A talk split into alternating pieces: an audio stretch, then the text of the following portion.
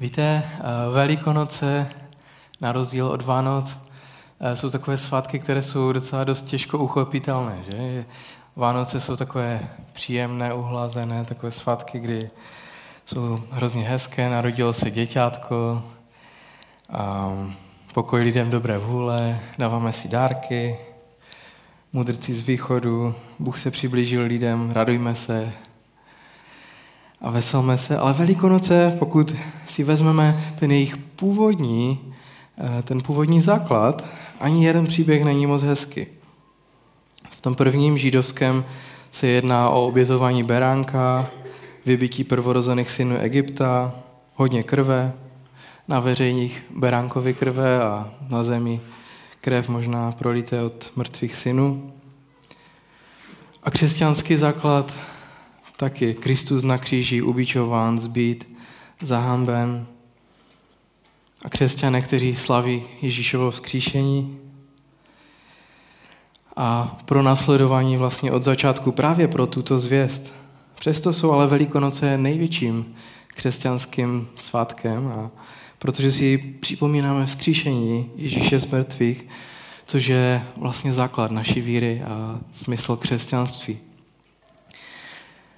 Vždyť Bible samotná jde tak daleko, že tvrdí, že pokud se příběh vzkříšení nestal, pak jsme my a všichni ostatní křesťané těmi nejubožejšími lidmi na světě.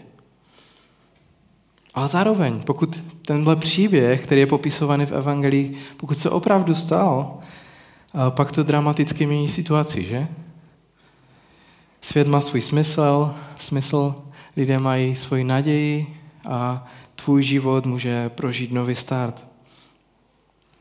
Pokud příběh Evangelii je pravdivý a Ježíš vstal z mrtvých, pak platí o něm všechno, co o sobě říkal. Platí to, že je pánem nad zákonem, že je stvořitelem, že je Bohem. Ale s tím někdy máme problém, že? Protože svět obecně uznává Ježíše jako velkého morálního učitele, autoritu, ale zároveň nechce připustit, že by byl skutečně tím, za koho se prohlašoval.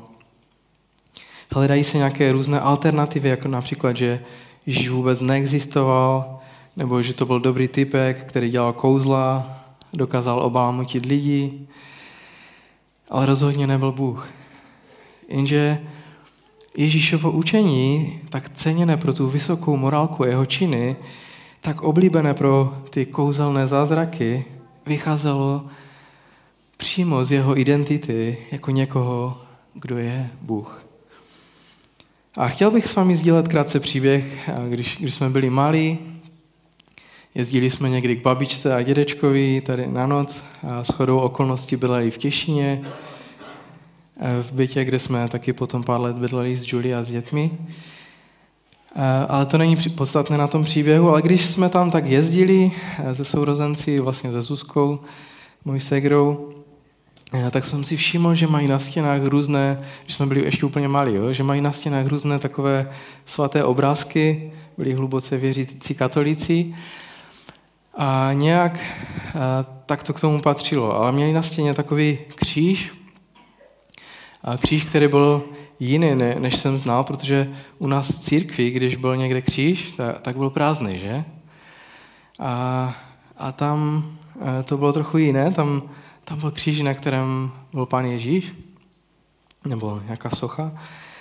A byla to pro mě tehdy taková nová zkušenost, takový jiný pohled na kříž. Tehdy jsem nevěděl, jak, co si o tom myslet. Moje první myšlenka byla, že proč je Ježíš na kříži, když stal z mrtvých. Ale byl to pro mě úplně jiný nový pohled na kříž. A to je přesně to, co bych si přál a co bych chtěl, aby jsme mohli eh, dneska eh, zažít.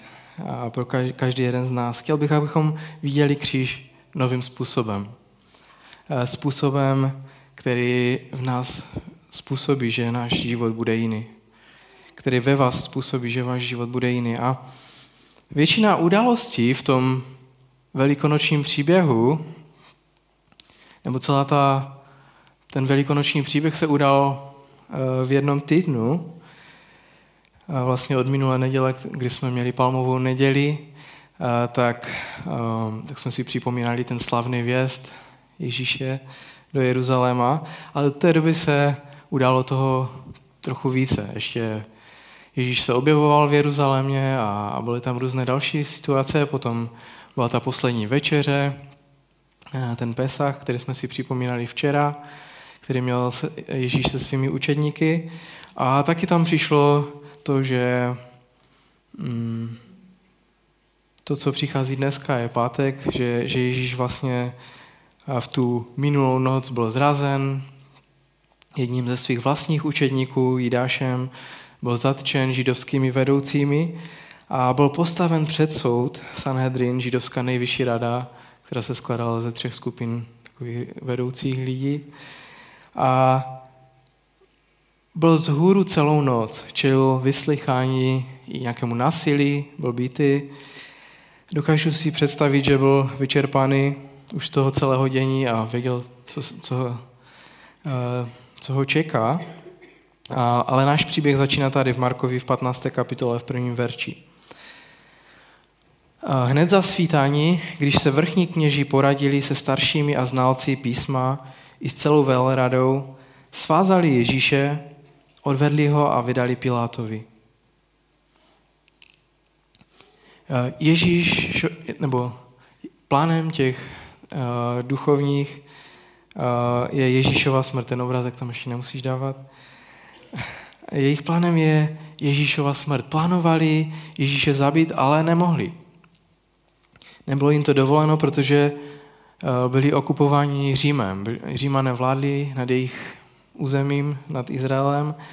A pokud je někdo, kdo ho může zabít nebo dát zabít, tak je to Pilát, římský představitel, který byl správcem té části římské říše v té době. A dnešní večer tedy strávíme spolu u tohle textu v Markovi v 15. kapitole. A to moje uvažování, když jsem tehdy byl u babičky a dědy a viděl jsem ten kříž, tak to bylo o tom, že jsem věděl, že Ježíš zemřel na kříži a že byl vzkříšen a proto můžu jít do nebe. To bylo moje přemýšlení toho, možná nevím, šestiletého kluka. A to je naprosta pravda. Ale mí to celkem to, co Bůh zamýšlel dělat v nás a skrze nás tady a teď, protože to není úplně všechno. A víte, já věřím, že Ježíšův kříž je pozvánkou k životu, ale ne pouze někdy potom, co skončí náš život, ale k životu tady a teď. Dneska, tenhle týden a další týden a další dny. On chce dělat věci v nás a skrze nás a chce, abychom zažívali život, který, který je formovaný křížem. Hluboký život, který, který má smysl ne až někdy, ale tady a teď. A otázka na každého z vás zní, eh, je to způsob, jak byste právě teď popsali svůj život? Dávající smysl, eh, život, který je plný božího záměru, spokojený, radostný, plný pokoje. Popsali byste to takto svůj život? Pokud máš pocit, že ti něco schází, pokud si myslíš, že ti něco uniká, tak věřím, že je něco, co můžeme společně uvidět na kříži. A jsou takové tři pozvání k životu, které můžeme vidět v Markově vyprávění e, o Ježíšově ukřižování. Tři pozvání k životu. Tak pojďme na to. Jak jsem říkal, ve čtvrtek v noci byl Ježíš vzhůru úplně celou noc, vyslychaný, býty a není je těmi muži z Velerady a jejich vojáky přivedeny před Piláta a nějak takhle ten příběh pokračoval. A v druhém verši se píše, Pilát se ho zeptal, tak ty jsi židovský král? Sám to říkáš, odpověděl Ježíš. Vlastně mu ani moc neodpověděl, že? tak ty jsi židovský král. Ten důvod, eh, proč se Pilát ptá Ježíše tuto otázku, je proto, že přišli za ním s tímto obviněním. Říkali mu, tenhle se prohlašuje, že židovský král. Možná si říkali, co vymyslet, aby vůbec se tím Pilát zabýval, že? A to byl, to byl možná jejich finální výběr. Říkali si, to, to možná zabere. A protože pokud bych já byl Pilát eh, a měl bych na starost Izrael a přivadli by někoho, kdo by říkal, hele, já jsem král Židů, tak bych si říkal, hej, je tady někdo, kdo už má tvoji práci na starost, ale nejsi to ty. Prostě byl to ten Pilát, že? Který měl teď na starosti Židy a byla to práce Pilata, aby udržoval pořádek a mír, aby se neděly žádné rozbroje, aby nebyly žádné povstání, aby lid mohl pracovat co nejvíc a nějak fungovat, aby odváděl vysoké daně císaři v Římě a aby Pilát si mohl užívat života. Takže ti náboženští vedoucí to měli dobře vymyšlené, ale byl tady jeden problém. Ne až tak malý problém. A to bylo to, že neměli žádný důkaz. Prostě uh, mohli tvrdit, že, že se Ježíš vydává za krále a tak, um, tak Pilát se ho ptá, že? Tak ty, tak ty jsi židovský král? Ježíš mu říká, sám to říkáš. Neříká jo, ani ne. A mm, Pilát velmi rychle poznal, že Ježíš je nevinný. Nebo to je žádný taky neskušený člověk, byl zkušený, vidí, že pochopil, že je to nějaká forma pomsty nebo něčeho, že to není opravdové obvinění. Rychle poznal, že je Ježíš nevinný, tak, tak co s tím udělá? nevinný člověk, kterého ti nejvyšší vedoucí židovského národa chtějí vidět mrtvého.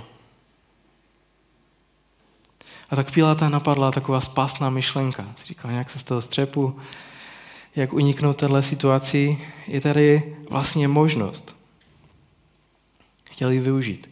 Jsou blízko, a dost velmi blízko byl, byl Velikonoce, Pesach, obrovský svátek v Jeruzalémě, kdy každý rok přijížděli tisíce a možná desítky tisíc lidí na oslavu tohoto svátku. A Pilát měl takovou tradici, nevím, jestli to bylo i v jiných zemích než Izraeli, ale byla taková tradice, že během tohoto svátku Římané propustili jednoho vězně, kterého si ten lid vyžádal, aby tak jakoby přispěli k tomu svátku a k těm oslavám. A tak můžeme dát teď ten obrázek. A tak je tady dav, který je shromažděný v ulicích, tam někde pod Pilátem. Je tady Pilát s Ježíšem v jeho paláci a on se ptá, chcete, abych vám propustil Ježíše? Toho vlastně, kterého nazýváte král Židů? Ale, ale je tady problém, protože vrchní kněži už očekávali, že se to stane, a tak tam čteme v 11. verši, vrchní kněži ale vyburcovali dav a žádá o propuštění Barabáše. Barabáš.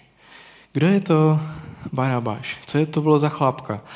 Už dříve v této kapitole je popisováno, že Barabáš byl povstalec, revolucionář, vzbouřenec, možná nějaký zelota, jednoduše člověk, který chtěl nebo se pokusil vést povstání lidu proti Římanům. Během toho povstání byli zabiti nějací lidé, on sám někoho zabil, takže byl obviněným, usvědčeným vrahem a jmenoval se Barabáš. A, a lidé chtěli jeho. Zvláštní věc, že? Pilát si možná říká, myslí tohle vážně? Tady je nevinný člověk, tady je zbouřenec, moc se mu to asi ani nehodilo, protože se bouřil proti Římu, takže to mohl udělat znova, kdyby ho propustil. A Pilát si říká, myslí to vážně? A v 12. verši říká, a co mám udělat s tím, kterého nazýváte židovským králem? Ptal se jich Pilát. Co mám udělat s tím, kdo je nevinný? Možná, možná mohli říct, nech si ho přes noc a pak ho propust, nebo ho zbičuj, pak ho propust. Ne. Co, kři, co křičel ten dav? Křičeli, ukřižuj ho, vykřikli všichni. Co udělal zlého? Ptal se Pilát. Oni však křičeli ještě víc, ukřižuj ho.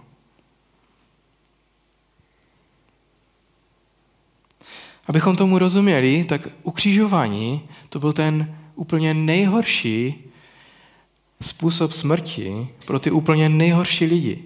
Ani římané tím nepo, tímhle způsobem nepopravovali všechny lidi. To bylo fakt vyhrazené pro ty nejhorší lidi. Povstalce, vzbouřence, vrahy a častokrát to bylo právě proto, aby to byla vystráha pro, pro ostatní lidi, aby nic takového neudělali. Bylo to ta nejhorší smrt, které, kdy jste umírali pomalovou a bolestivou a ponižující smrti. A to je to, co dáv vedený náboženskými lídry chtěl pro Ježíše. Nevinného. Sám Pilát to nemůže pochopit. No ale co vlastně udělá Pilát? Jeho práce je přece udržovat pořádek, jeho práce je udržovat pokoj v tom místě, které, které má svěřené. A takže na jedné straně vidíme nevinného člověka, eh, Ježíše, na druhé rozuřený dáv spolu s mocnými náboženskými vedoucími Izraele, kteří měli dost velký vliv. Když řekli Davu, křičte to, křičeli to. A mm, dál čteme, co udělal Pilát. V Markovi 15.15 15 je napsáno, Pilát chtěl vyhovět Davu a tak jim propustil Barabáše. Ale Ježíše nechal zbičovat a vydal ho k ukřižování. Pilát chtěl vyhovět davu. Nechal Ježíše zbičovat, měli takové dudky, které byly z kůže, které byly zakončené ostrými kostmi a kousky nějakých kovů. Kůže byla zbičovaných byla úplně roztrhaná. Někteří nepřežili ani samotné to bičování. To Ježíš zažil a potom, potom ho dal popravit na kříži. A tak co vidíme je, že Pilát jednal v nějakém půdu sebe záchovy. Pokud nechtěl ztratit kontrolu nad rozzuřeným davem, který byl kvůli Pesachu několikanásobně větší než počet obyvatel Jeruzaléma, pokud by se něco stalo, ztratil by svou pozici, moc, bohatství, slávu, možná život, jako římský vládce by asi skončil. Díval se na to z pohledu sebe sama a na druhé straně máme Ježíše, který stojí v úplném kontrastu s náboženskými vedoucími a v kontrastu s Pilátem. A tak první věc, kterou, nebo první věc, kterou můžeme vidět na kříži, nebo na tom pohledu na kříž, je Ježíše jako služebníka. Ten, který zapře samého sebe. Nemyslí na sebe, ale vyprázdní samého sebe. Je to úplně naprostý opak všech těch náboženských vůdců a naprostý opak postoje toho Piláta. A co vám chci říct dneska, co chci, abyste viděli na kříži, tak chci, abyste viděli kříž eh, v novém světle, jako pozvánku k životu. Ne tam někde, někdy, ale tady a teď. A věřím, že součástí toho pozvání je následování Ježíše na cestě služby. Je to takové pozvání pro každého z nás. Pozvánka k následování života a života, který má smysl, který je hluboký ve způsobu, jakým sloužíme druhým. Ale buďme k sobě upřímní. Není to něco, co nějak charakterizuje a představuje českou kulturu, že? Není to něco, k čemu nás táhne naše přírod, přirozenost. Protože je to doopravdy tak, že hluboko někde uvnitř, tak jsme přesvědčeni, že to, co působí, že budeme šťastní a že náš život bude mít význam a že bude mít hloubku, je to, že dostaneme to, co chceme. že dosáhneme věci, které nějakým způsobem chceme. A my si myslíme, že my si to nějak obhajíme, že ty věci jsou dobré, že chceme zbožné věci, nebo já nevím, že chceme dobré věci pro sebe, pro svoji rodinu, pro své přátelé, pro svůj sbor.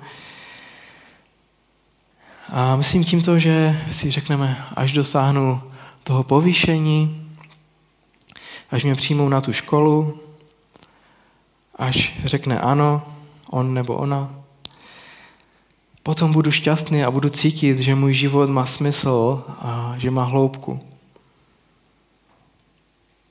Ale je tady Ježíš, který nám nabízí jiný způsob. Naprosto odlišný způsob, který je v kontrastu s tím. A ukazuje nám cestu, která je cestou služby druhým. Je to místo, kde najdeme život. A Ježíš nám dává příklad nejenom, když jde na kříž, ale skrze celý svůj život, eh, který je zaznamenán ve všech čtyřech evangelích. Pět kapitol předtím v rozhovoru se svými učedníky, když se bavili o tom, o tom co znamená něco znamenat, mít výjimečný život, a tak říká Ježíš toto. Tak to ale mezi, vámi nebude. Kdo by mezi vámi chtěl být veliký, ať je vaším služebníkem. Kdo by mezi vámi chtěl být první, ať je otrokem všech. Ani syn člověka přece nepřišel, aby se mu sloužilo, ale aby sloužil a aby dal svůj život jako výkupné za mnohé. Ježíš říká, že pokud chcete skvělý život, pokud chcete mít výjimečný život, který má smysl, který má záměr, tak nás vyzývá, staň se služebníkem. Buď jako já. Nenechávej si jenom sloužit, ale služ. A to je první z těch poselství kříže, které můžeme dneska vidět. Smysluplný život nenajdeme v tom, když dostáváme to, co chceme, ale v tom, když dáváme sami sebe. A když žijeme pro naše postavení a pro naše uspokojení, pro svou hodnotu, nemyslím si, že v tom najdeme život. A když už, když už jo, tak, tak nenadlouho. A všichni víme, že honba za těmi věcmi je skutečně namáhavá a není to něco, co nás naplní nakonec. A spousta z nás má mnohem víc toho, mnohem víc věcí, než jsme kdy mohli chtít, ale stále se cítíme neuvěřitelně prázdní. Ale je tady ta pozvánka z kříže. Chci vás pozbudit dneska a pozvat k tomu, aby jsme, abyste v tomto následujícím týdnu, v těch následujících dnech hledali příležitosti sloužit druhým lidem. Příležitosti dát sami sebe druhým. Protože já věřím, že ty chvíle, kdy se doslova rozdáváme druhým, jsou ty chvíle, které dávají největší smysl a které dávají hloubku a význam i našim životům. A když přijdete domů ze školy nebo z práce, jak můžete pomoct ostatním členům rodiny? A nebo dokonce v práci, ve škole nebo na ulici. Mějme otevřené oči a dívejme se a naslouchejme Božímu duchu, když nás vede k tomu, abychom sloužili druhým lidem. Abychom byli jako Ježíš v tom. Takže máme tady to Markovo vyprávění a to poukázání na kontrast mezi Pilátem a Ježíšem. Pojďme se teď podívat, jak pokračuje další, ta druhá pozvánka k životu. Marek 15. kapitola 16-17. Vojáci ho odvedli dovnitř na nádvoří paláce zvaného Pretorium a zvolali celou posádku. Oblekli mu purpurový plášť a nasadili mu korunu upletenou strní. Ponižovali ho a vysmívali se mu. A pak pokračuje, pak ho začali zdravit, ať žije židovský král. Byli ho holí do hlavy, plivali na něj, klekali před ním a klanili se mu. A tak vidíme tady znuděné vojáky, a, kteří si říkali, OK, budeme mít nějakou zábavu s tímhle vězněm. Všichni se tam setkali, byli ho, posmívali se mu, plývali na něj. Hrozná představa. A, a tak mě napadlo, proč tohle všechno Marek píše, takové detaily. Je tam spousta věcí, které nepíše, ale tohle zrovna píše. Proč dává všechny tyhle detaily? Věřím, že Marek píše celý tenhle příběh, celé své evangelium, ten Ježíšův příběh, ten jeho pohled na Ježíšův příběh pro nějaké specifické publikum. Věřím, že píše křesťanům, úplně prvním věřícím a píše jim do hlavního města Římské říše do Říma. A věřím, že skrze to komunikuje, komunikuje k ním to, čemu oni rozu, dobře rozuměli a chápali. Že když to psal, tak oni věděli moc dobře, o čem mluví. A znali tu situaci, kdy císař se vracel z vyhrané bitvy, v ulicích byly obrovitánské oslavy a to vítězné tažení vždycky začínalo v pretoriu, dneska bychom to nazvali kasárny. Všichni ti vojáci se kolem něj shromaždili, kolem císaře teda. Dali mu purpurový plášť, na hlavu korunu a klaněli se mu, klekali před ním a nemysleli to ze srandy. Volali, ať žije císař a, a myslí to naprosto vážně. Byla to forma uctívání císaře. A Marek připodobňuje a zmiňuje tuto situaci křesťanům, kteří tomu rozuměli, kdy vojáci takto zesměšňovali Ježíše jako krále, který jde z vítězného tažení. A věřím, že Římané eh, tomu rozuměli, co tím Marek ukazuje a ukazuje na Ježíše jako na krále. Ježíš je opravdu králem. Je větší dokonce než Cezar, který byl, býval zvaný Božím synem, ale Ježíš je skutečně Božím synem. Ježíš je skutečným králem. A tak ta další pozvánka, kterou vidím v kříži, je pozvánka k životu, je v tom, když sami sebe podáme pod autoritu tohoto opravdového krále. Když dáme Ježíši vedení a autoritu nad naším životem. Znova, to je místo, kde přichází opravdový a skutečný život. Ale zpátky k naší kultuře. Hluboko uvnitř někdy věříme tomu, že naplněný život je v tom, že si dělám to, co chci. A kdy chci, že? Chci dům někde mimo město, na vesnici, kde nejsou žádní sousedé, kde nejsou žádné dálnice a chci tam mít všechno podle sebe. Chci dělat to, co chci dělat. To je přece naše představa dobrého života, že? V tom je život, že? Nebo já chci vlastnit svou firmu. E, už jsem fakt unavený ze svého šéfa, který mi říká, od kolika do kolika musím být v práci. To je to neuvěřitelné. A jak mám dělat svoji práci? Dělat si, co chci, to je přece dobrý život. Ne? Svoboda, samostatnost, dělat si, co chci, kdy chci. Častokrát je to naše představa dobrého života. Ale jsem jediný, kdo častokrát lituje a hodně lituje, když dělám to, co chci. Jsem jediný, kdo si nese rany nějaké z toho, když druzí lidé okolo mě dělali to, co chtěli a kdy chtěli. A to pozvání kříže je pojď najít ten život pod autoritou Ježíše Krista. Nech ho, aby vedl tvůj život. Byl jsi stvořen stvořitelem, abys žil pod autoritou stvořitele. V tom je skutečný život. A musím se vás zeptat, není dneska, není teďkom čas dát Ježíši vedení svého života? Možná si říkáte, jo, já už jsem to udělal před 30 lety, nebo déle. A dal jsem mu autoritu, protože on je král. Ale možná je nějaká oblast ve tvém životě, kde není tím králem. A možná je nějaká oblast ve tvém životě, která není pod jeho autoritou. A zajímalo by mě, jestli jsou chvíle ve tvém životě, kdy vnitřně cítíš a víš, že, že Ježíš ti říká, že tě chce vést někam, nějakým směrem do nějaké situace, do nějakého rozhodnutí, ale, ale ty víš, že, že chceš úplně něco jiného. A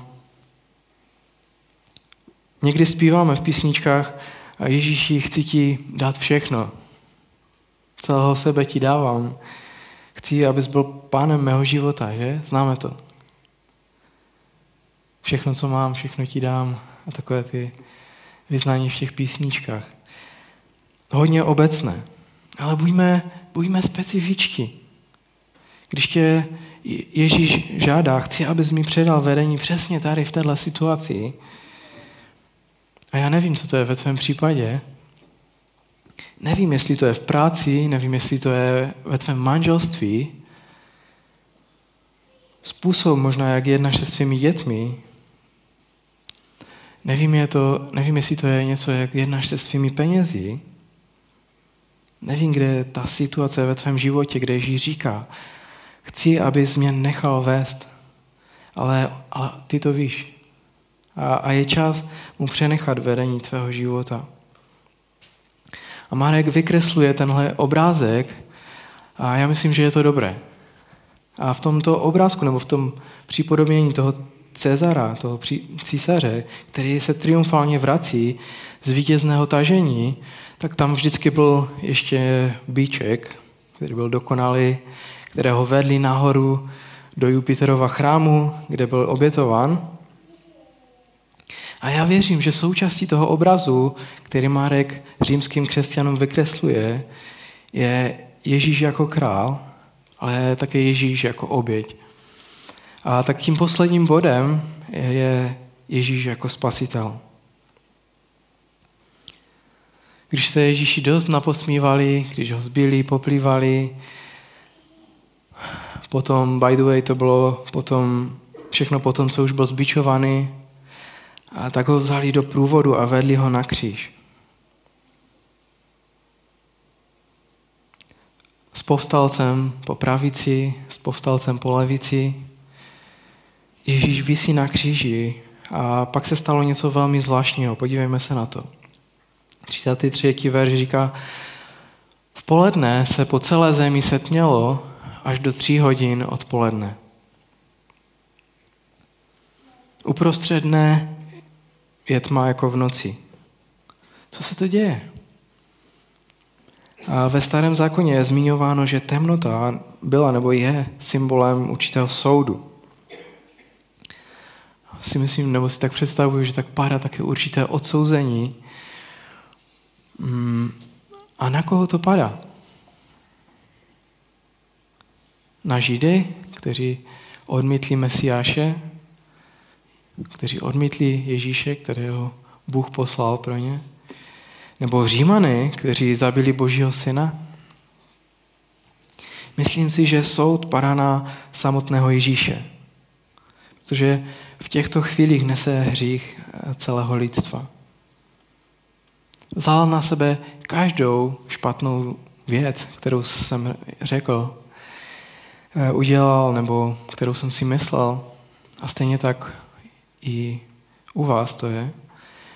Ježíš vzal na sebe každou špatnou věc, kterou si udělal, kterou si myslel nebo kterou si řekl. A to, co chci, abyste cítili, je, že, že si to měl být ty. Ten soud, který měl dopadnout na tebe, on byl na tvém místě a platí tu cenu za tebe. A pak čteme v 34. verši, ve tři hodiny Ježíš hlasitě vykřikl Eloj, Eloj, lama sabachtani, což v překladu znamená Bože můj, Bože můj, proč jsi mě opustil? V této chvíli vidíme, že Ježíš cítí, jak se k němu otec otáčí zády. Proč by to otec dělal? Zvlášť ve chvíli, kdy Ježíš trpí na kříži. Věřím, že je to proto, že hřích vždycky vytváří oddělení od Boha. Je to překážka mezi Bohem a mezi člověkem.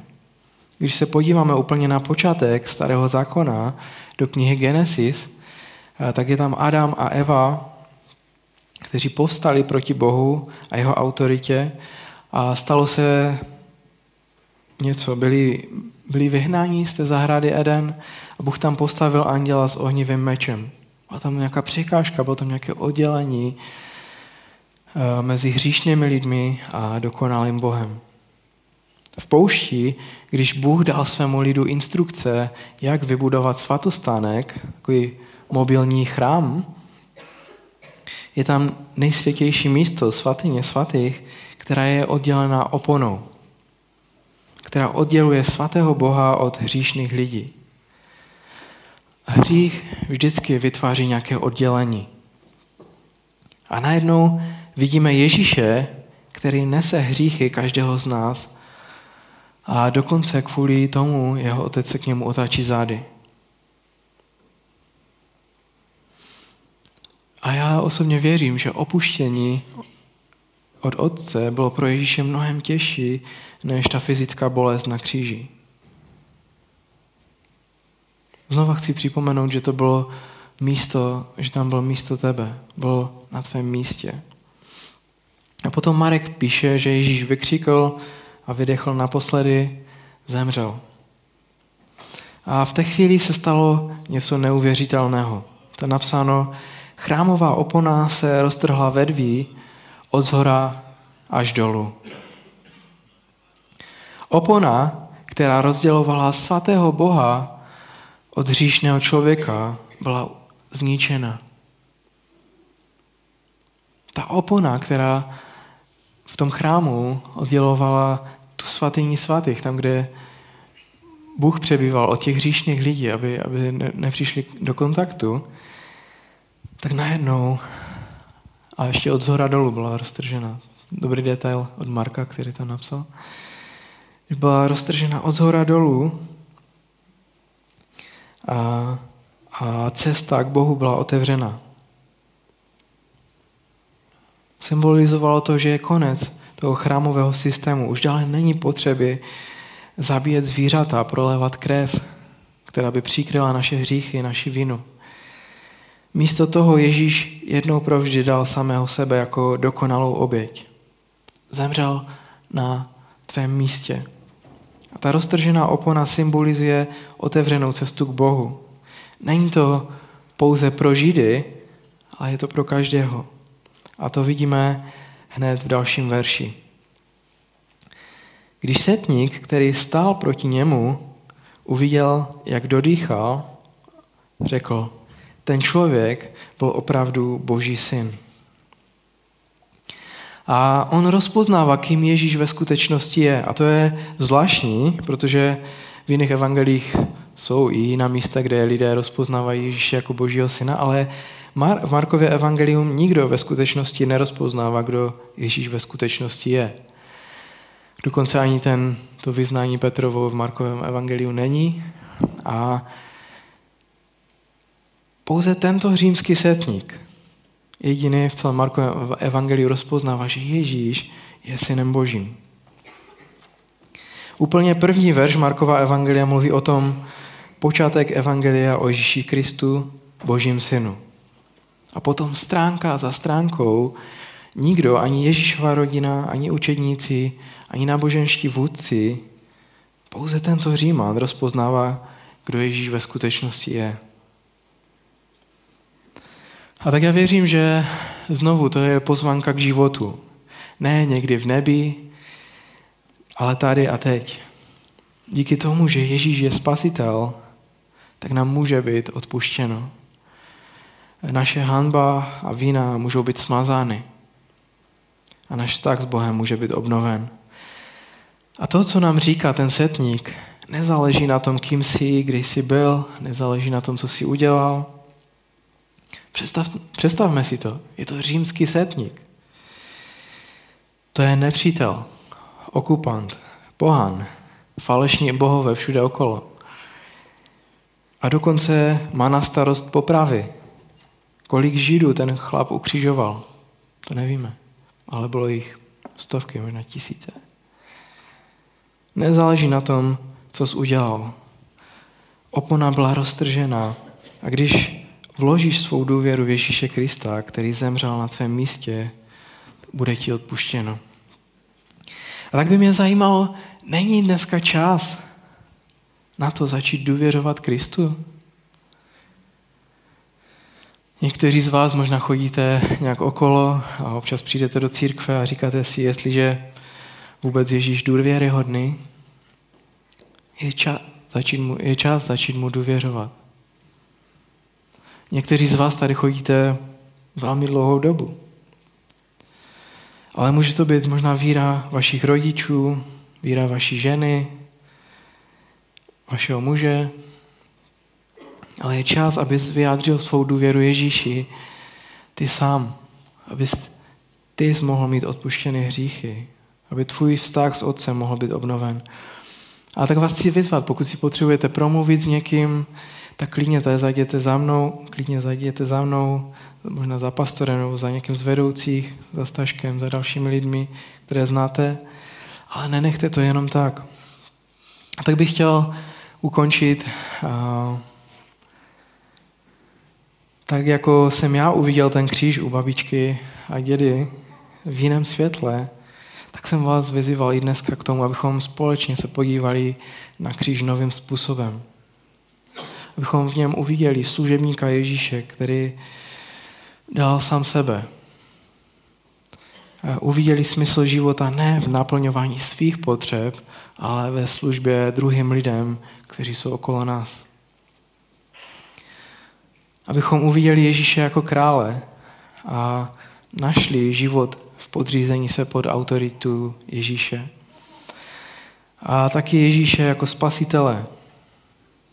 Život můžeme prožívat teď a tady skrze to, že naše hříchy můžou být odpuštěny a může být obnoven náš vztah s Bohem. A mojí naději v tomto týdnu, který následuje, nebo v těch dnech, které následují, je, abyste mohli žít život, který má hloubku a smysl a který je životem ve tvaru kříže. Pojďme se modlit. Sláva tobě, Ježíši, já tak vyvyšuji tvoje jméno, chválím tě, děkuji ti za to, že můžeme právě dnes si připomínat to, co si vykonal pro nás na kříži. Já ti děkuji za to, že eh, můžeme vidět tebe, který dáváš samého sebe, který slouží, a který um, nepřišel, aby si nechal sloužit, ale přišel, aby sloužil a dal život jako výkupne za mnohé. A děkuji ti za to moc, Ježíši. A díky za to, že můžeme vyznávat, že jsi král králu a pan pánu. Díky za to, že můžeme vyznávat, že jsi naším spasitelem. A prosím tě za každého, kdo ještě tě ne, nepřijal do svého života, kdo ti nedal autoritu nad svým životem. Prosím tě, aby to mohli udělat, aby nečekali na to až někdy, ale aby mohli žít život, který si pro nás naplánoval už, už teď, ne někdy, když, když zemřeme a půjdeme do nebe, ale, ale tady a teď, abychom mohli žít život, který je v plnosti. Slavím tě a vyvyšuju a děkuji ti za každého, kdo je na tomto místě. Prosím tě za ty, kteří prožívají těžké věci, ať můžeš jim dát východisko, ať můžou předat autoritu v těch věcech do tvých rukou, pane. Sláva tobě. Amen.